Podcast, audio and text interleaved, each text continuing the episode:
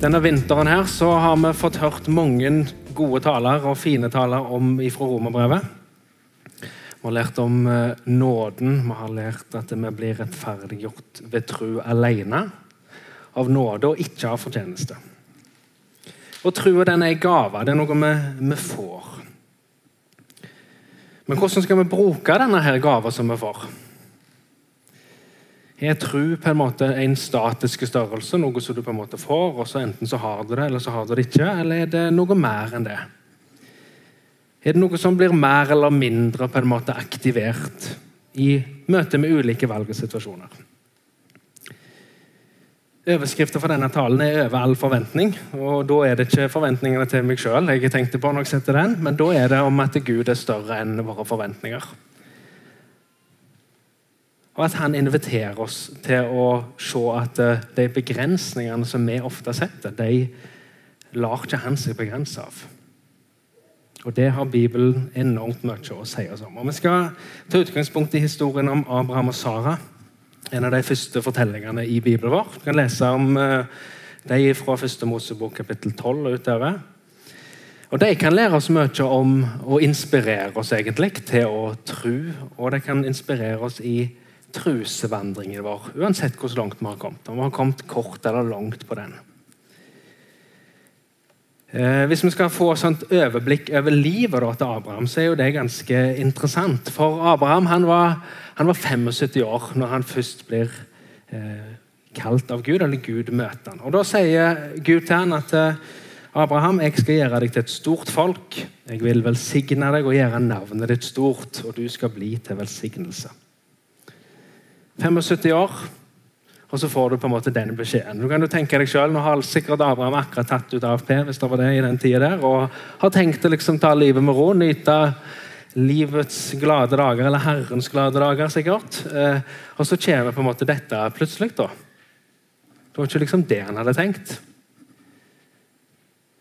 Nå skulle han jo trappe ned. Nå hadde han jo sikkert kjøpt seg hytte og begynt å se på det. Og alt sånt, og så kommer dette seilende inn. da. Og Så sier Gud at du skal bli til et stort folk. Det var jo bare ett problem, og det var, ikke ganske, det var ikke et lite problem heller. og Det var jo at eh, Abraham og Sara de hadde ikke unger, og de kunne ikke få det heller. Så det er klart at Dette var jo på en måte ikke noe så uh, umiddelbart vekket en slags begeistring. eller en sånn, ja, Selvsagt så kommer dette til å skje. Og så går årene. Og Så blir Abraham i tvil. Han begynner å stille spørsmål. Eh, der står eh, 'Herre min Gud, hva vil du gi meg? Jeg går jo barnløs bort.' Og Abraham sier videre til Gud at 'du har jo ikke gitt meg etterkommere'. Og Så gjentar Gud løftet sitt til Abraham. Og Så står det at Abraham trodde Gud, og det ble regnet han til rettferdighet. Og Så går årene igjen. Årene går. Dag ut, dag inn. Og elleve år seinere, når Abraham er blitt 86 år, så kommer Sara til han, kona hans og sier at nå har jo du fått et løfte fra Gud. og sånt, Det tror vi jo for så vidt på. Eh, men det ser jo ikke ut som det skjer så mye her. Så kanskje vi bør ta saken litt i egne hender. Og da, hadde, da var det noe sånn på den tida. De fleste av oss har jo mer enn nok med ei kone, for å si det sånn. Men eh, noen, noen syns jo det er greit å ha enda flere òg. Eh, og, eh, da bestemte Sara Abraham det, at uh, Hagar, som var ei, ei slavekvinne, eh, at hun skulle føde en sønn til Abraham. Dette her er fancy. Takk. uh, og det er jo, Jeg syns det er litt interessant, da, for de, de, på en måte skal hjelpe Gud litt. på en måte. Og Er det ikke så vi er ofte? Vi, vi tror på noe, vi har trodd på noe i mange år. Og så begynner vi å tenke ja, ja, vi kan jo hjelpe han litt. på en måte. Vi må gi Gud litt på en måte, litt starthjelp. Eller vi kan, vi kan iallfall gjøre eh, vårt bidrag på en måte. Gjøre det litt lettere for Gud å få dette til å skje. Og Abraham ble overtalt, og det ble sånn. Og han fødte sønnen Ishmael, som ble regna som far til alle muslimer. Alle arabere. Og så går det 13 år til. Og nå er Abraham blitt 99 år. Og han er sikkert ikke på sitt mest vitale på en måte, når en snakker om å få unger. Og Vi kan jo lese hva der står når, Gud kommer til Abraham. Da Abraham, Abraham var 99 år gammel, viste Herren seg for ham. Igjen. Og Så sier Gud du skal ikke lenger kalles Abraham, men Abraham skal navnet ditt være, for jeg gjør deg til far for mange folkeslag. Igjen for tredje gang kommer Gud. Og så syns jeg reaksjonen til Abraham er interessant. Da kastet Abraham seg ned til jorden og lo. Han sa i sitt hjerte kan en som er 100 år gammel, få barn? Og kan Sara føde hun som er 90 år gammel? Han ler seg dette av stolen på en måte, av dette som Gud sier til ham. Og Du kan jo tenke for din egen del, hva er det som ville fått deg til å le? på en måte? Hva utfordring ville fått deg til å le? Hva utfordring ville fått deg til å si nei, aldri i livet om det kommer til å skje? Det er mange kristne som har måttet på en måte bite de ordene i seg. Fordi at Gud har liksom en tendens til å snu opp ned på ting. Det løyer med Gud hvordan han kan gjøre med oss at noe som er helt på en måte unaturlig for oss, plutselig kan bli verdens mest naturlige ting.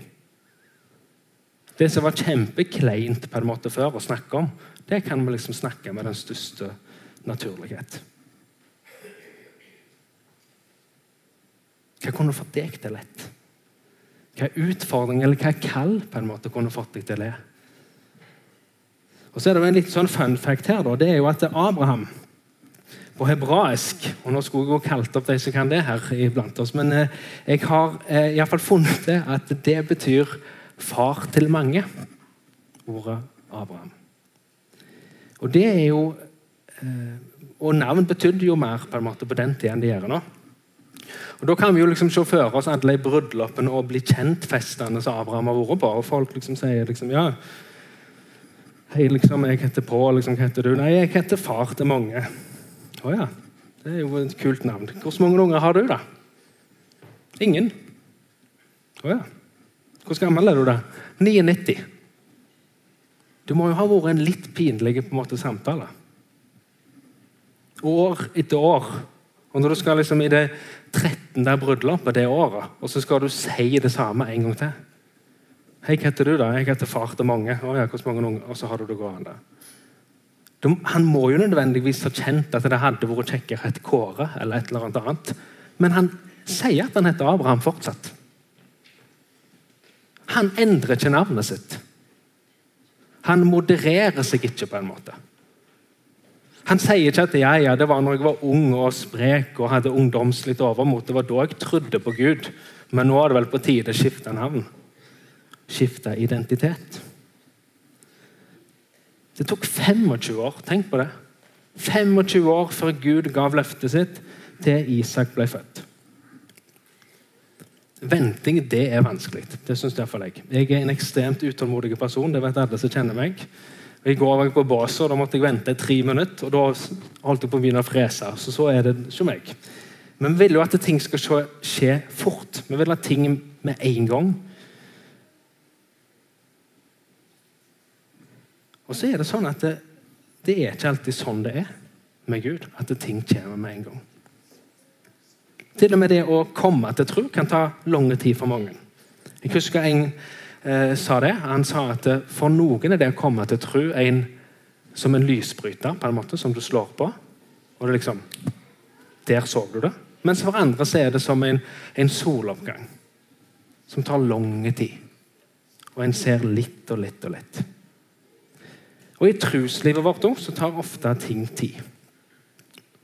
Og Det har forundra meg mange ganger. Guds timeplan, Guds tålmodighet. Hvordan han tar hele veien ett steg om gangen med alle oss. Hvordan han behandler oss helt individuelt. Han greier ikke alle under én kam. Han har ikke liksom én form som han har alle i. Og Du som har unger, du vet jo eh, at du behandler jo ikke ungene dine helt likt. Du sier jo ikke til ungene ja, i vår familie så er det sånn at alle må lære å sykle til de er fire år. Eller du sier ikke i vår familie så er det sånn at alle skal kunne skrive og lese innen de er seks år. Det sier du ikke. Og til han som gutten som sliter med å få bokstavene til å henge sammen, så sier du ikke ja, men herlighet, søstera di klarte jo dette når hun var to år yngre enn deg. Du sier ikke det. For en kjærlig mor og en kjærlig far behandler ikke unger på den måten. Og Gud, han er den perfekte far. Og så kommer Gud aldri for seint. Vi syns jo ofte det. Vi syns han dryger men han er perfekt på timing. Og gjerne så, så, Når vi så mange folk her, så er det klart det er mange liv og det er mange historier. Og du har ditt liv og dine historier. Men gjerne så sitter du og venter på noe.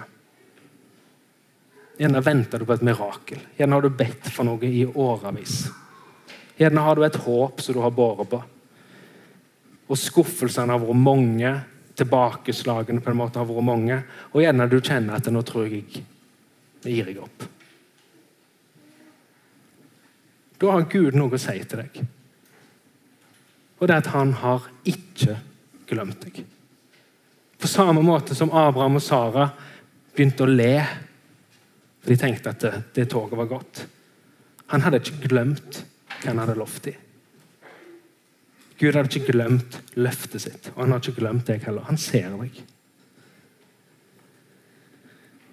så tenkte jeg litt på det at det er klart, Hvis en mann som Abraham lo når Gud snakket til han og talte til han, så tror jeg jo gjerne det er andre av oss òg som nødvendigvis ikke bare responderer med tillit når Gud prøver å tale til oss. Og Jeg har lyst til å nevne to ting som jeg tror kan hindre oss, eller holde oss på en måte igjen fra å tro.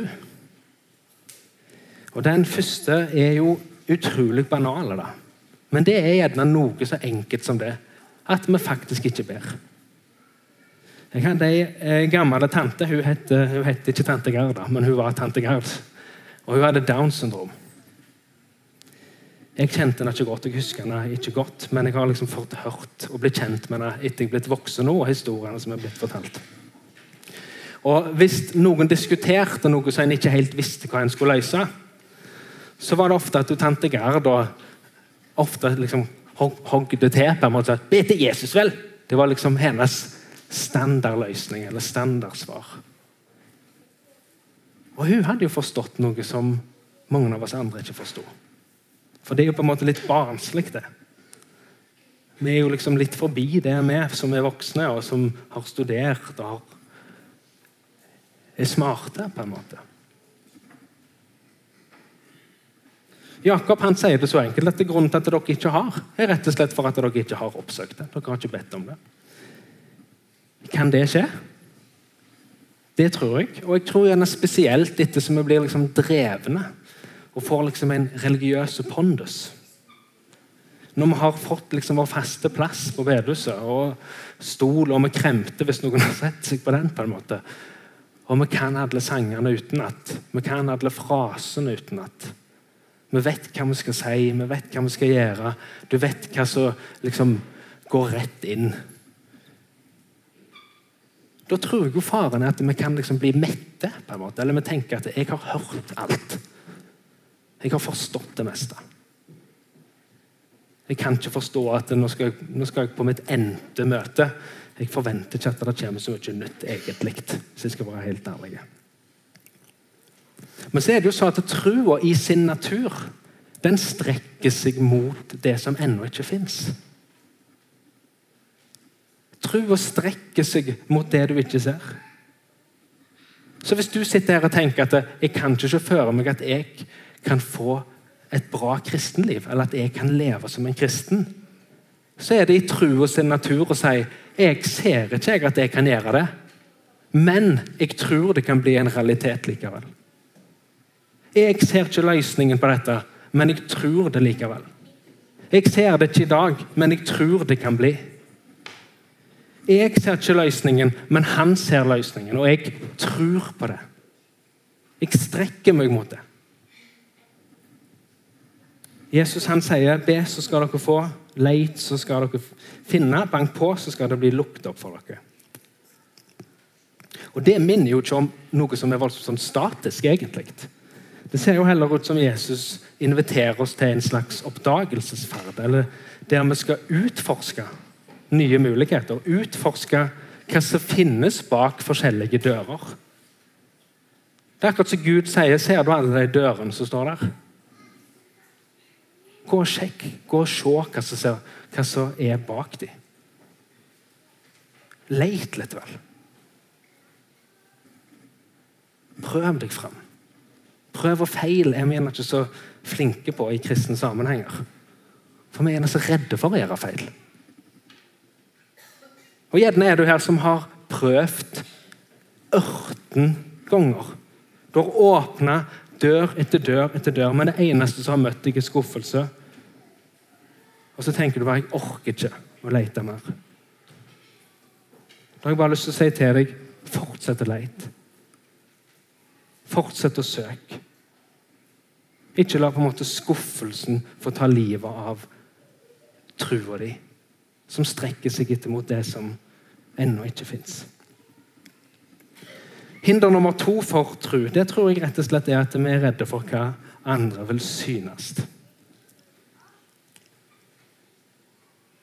For det å vandre i tro det innebærer i en del situasjoner så innebærer det at vi må velge noe annet enn flertallet. Og Det er krevende, fordi mange av oss har jo et sterkt ønske. Og det er en av det sterkeste behovet i oss, det er at vi har lyst til å passe inn. Vi har lyst til at folk skal like oss. Så i plassen for å spørre hva Gud syns, så spør vi om hva folk syns. I plassen for å søke etter Bibelen og han søker etter Guds vilje, så ser vi bare på vennene våre og tenker ja, hvordan er de da? Eller hva gjør de da? Hva er liksom greit for kristne å gjøre? I plassen for å spørre hva er det du vil, Gud?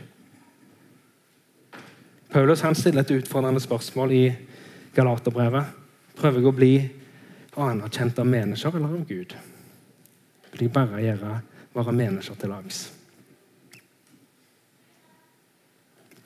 Jeg tenker av og til på livet mitt som en førestilling. Og Ofte så føler jeg at jeg er en klovn i den forestillingen, men sånn er det. Livet vårt lever vi. Og det er noen som sitter på, på, tribunen der. På en måte. På vårt livs tribune så sitter det noen folk. Det er noen folk som det er, det er viktig for oss hva mener.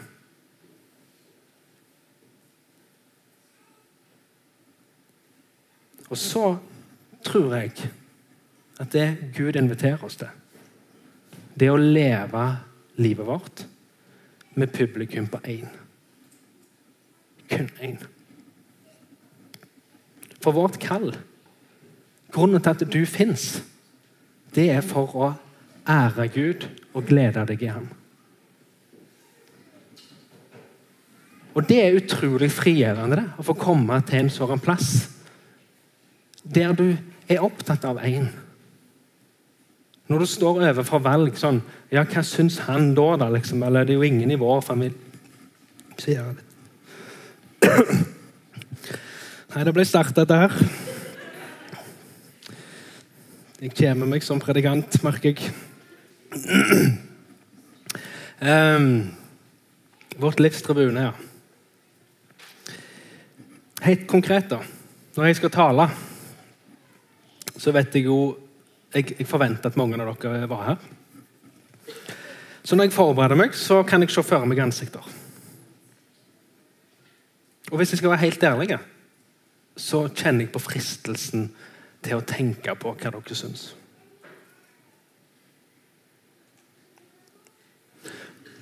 Og det vil jeg ikke. Jeg har lyst til å tro. Jeg har lyst til å gripe mot dette. Jeg har lyst til at jeg skal kun se én her ute. Jeg har lyst til å se Jesus, og jeg har lyst til at eh, hvis han på en måte sier tommel opp, så er det greit.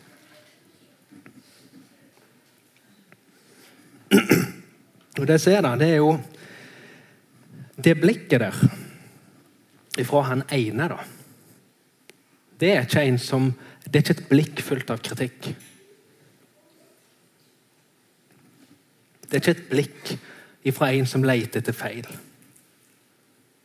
Det er ikke et blikk som sier at eh, 'du klarte det ikke i dag heller'. Det er et blikk ifra en som elsker. Det er et blikk fra en som ser deg for den du er. Og som bekrefter deg. Og som du kan bare være helt deg sjøl, på en måte.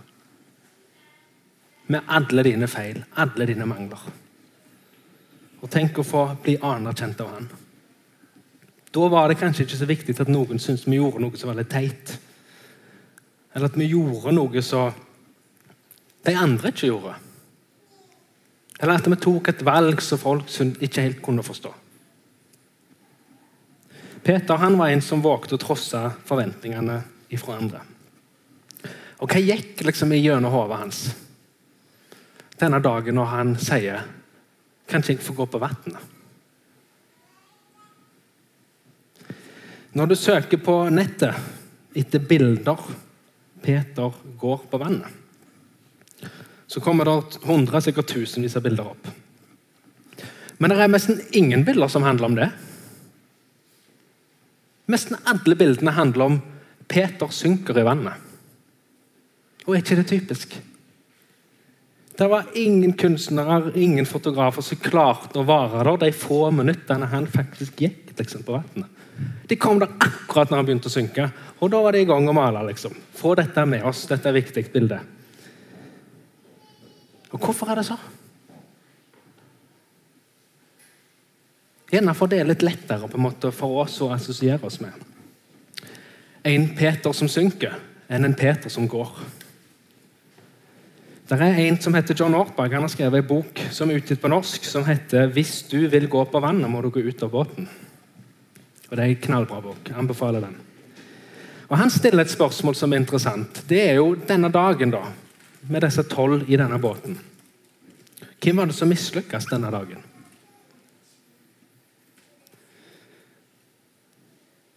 Var det Peter? Eller var det noen andre? Kan du være sikker på at de elleve som satt i båten, de kunne jo sikkert si du, jeg vet om en som prøvde det der, liksom, og han drukna. Eller 'Dette har vi jo prøvd før'. Noen kunne sikkert vise til en utredning som var blitt gjort på en måte, eller skreven om at uh, 'dette går faktisk ikke an'. dette, Peter. Det går ikke an. Og det var sikkert mange som sa at 'Å, Peter, du er så teit', eller 'alltid må du gjøre noe ekstra ut av det'. Kan ikke du bare roe deg?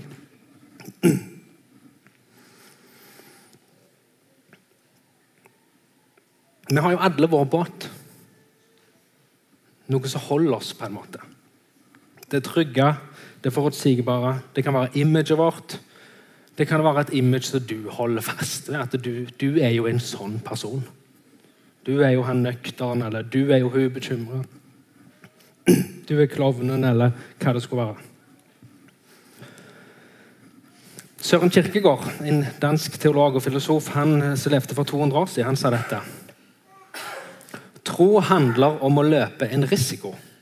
Å vite at man løper en risiko, men likevel gjør det fordi man dypt inni seg føler, ja, vet, at man bør, tør og skal gjøre det.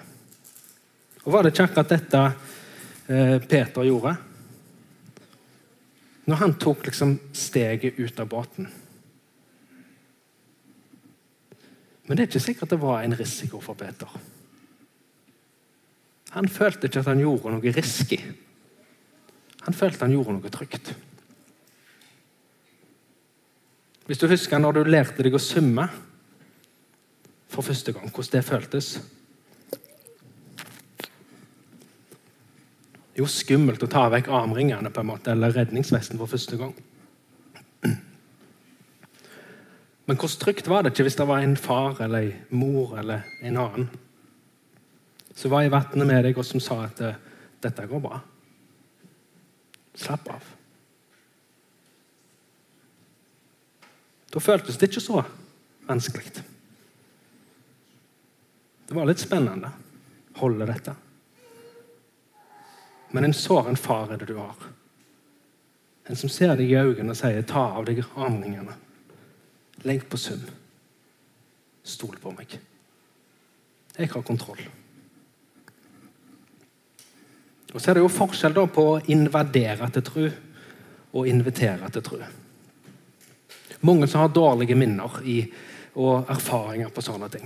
Der på en måte tro var mer noe som ble invaderende for en. på en måte. Der en krenka på en måte en person sin, sine grenser. Noen som sikkert mente det godt, men det ble liksom litt for mye, og en fikk det litt opp i halsen.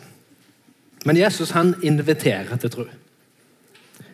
Og jeg synes Et godt eksempel på det er når det kommer noen blinde til Jesus og vil ha syn igjen. Og Så spør Jesus dem tror dere at jeg kan gjøre det. Ja, Herre, svarte de. Da rørte han ved øynene deres og sa, det skal bli som dere tror. Hvorfor gjør Jesus dette? Han visste jo hvorfor de kom. Han visste jo hva deres største behov var. Han visste jo hva de hadde ønsket hele sitt liv. Og Likevel så spør han dem. Tror du jeg kan gjøre dette?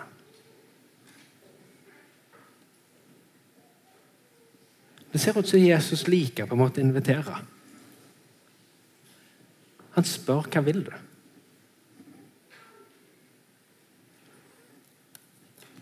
Det er et uttrykk å ikke se skogen for bare trær. Som kommer av at vi ikke klarer å se ting som er rett framfor øynene på oss.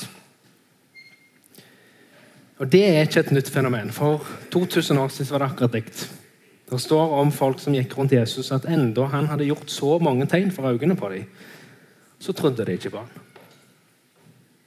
Det er ikke et løye? De så på en måte bare en tømmermann.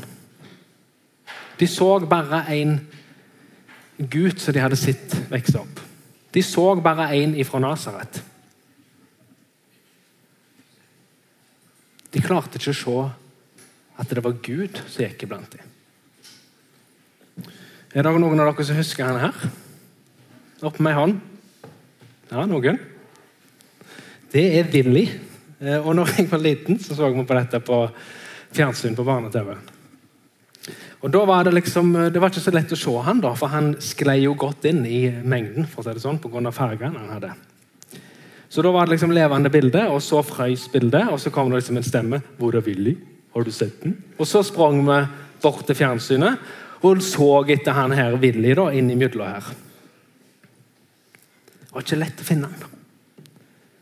Men han var der jo. Det visste vi jo. Og så er det ofte med Gud òg. Hvis du ser etter han, så finner du han. Hvis vi skrur på radaren, på en måte, så ser man jo gjerne meg overalt av og til. I folk som kommer til oss. I en melding vi fikk. I en mulighet som åpna seg. I Bibelen så, så sammenlignes Den hellige ånd med en vind. Og Du kan jo ikke peke på vinden. på en måte. Du kan ikke si ja, der er det vind. For vinden kan du bare se virkningene av. på en måte. Du kan se at det der blåser det godt, for du ser trærne som bøyer seg. Og Så er Guds rike ord. Hvor er Gud? Har du sett Gud noen gang? Nei, men Du har gjerne sett virkningene av han. Og Vi kan jo spørre oss om vi har merka sjøl vinden i det siste, i livet vårt rundt oss. En av de fineste versene jeg vet om i Bibelen, det er disse fra Efeserane 3. Der står det at Han som virker i oss med sin kraft, og kan gjøre uendelig mye mer enn det vi ber om og forstår. Uendelig mye mer. Så det kan være greit å ha med seg det på en måte, som en slags livsregel eller tommelfingerregel. At Gud han overgår alltid mine forventninger. Det bildet jeg har av Gud Gud er alltid større enn det.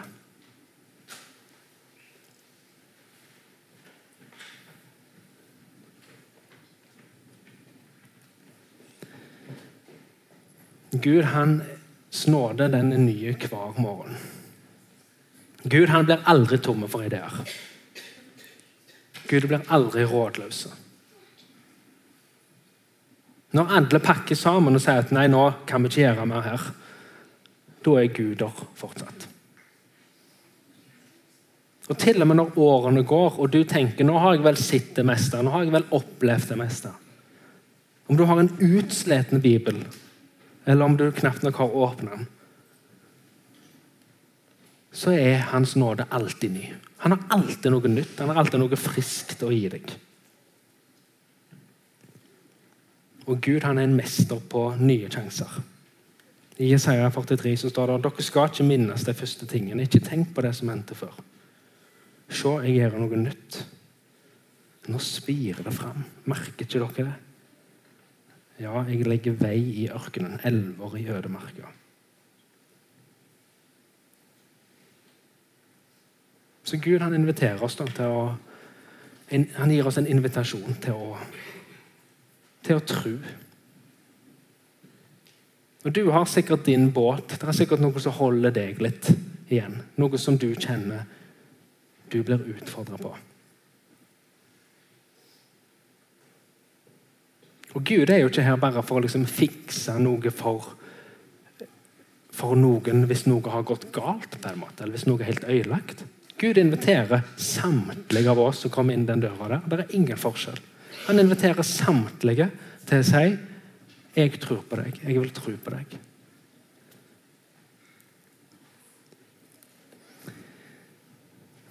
Helt til slutt så har jeg bare lyst til å slå et slag for forbønnstjenesten som vi har her i forsamlingen. Og Grunnen til at vi har forbønn på alle møtene her, det er rett og slett fordi dere ville ha det. For vi, Før vi starta forsamling, så spurte vi bredt ut hva savner du mest. Hva ønsker du mer av? Og Jeg synes det var som rørende å lese gjennom de arkene som dere hadde skrevet. Og folk, Den ene etter den andre skrev at de skulle ønske vi hadde hatt formuen på bedehuset. I 2018-oversettelsen så kalles dette bygget vi står inni, eller sitter inni nå, det kalles for Bønnehuset Betel. Hvor går du, da? Jo, jeg går på Bønnehuset Betel. Ja, hva gjør dere der? Syns folk at det koster å gå til forbønn? Det tror jeg absolutt. Iallfall første gang. Og det er fordi vi er så opptatt av hva andre syns.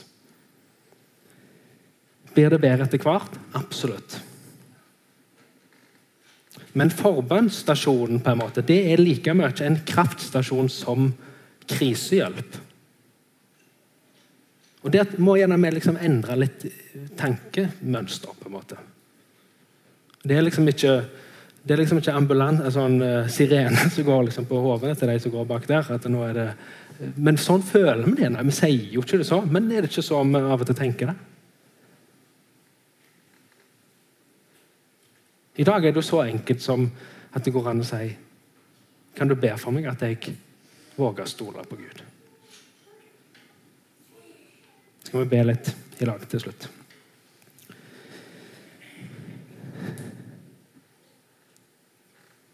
Herre, takk at du kjenner oss. Vi trenger ikke å late som vi er noe annet enn det vi er. Vi får lov å komme til deg akkurat sånn som vi er.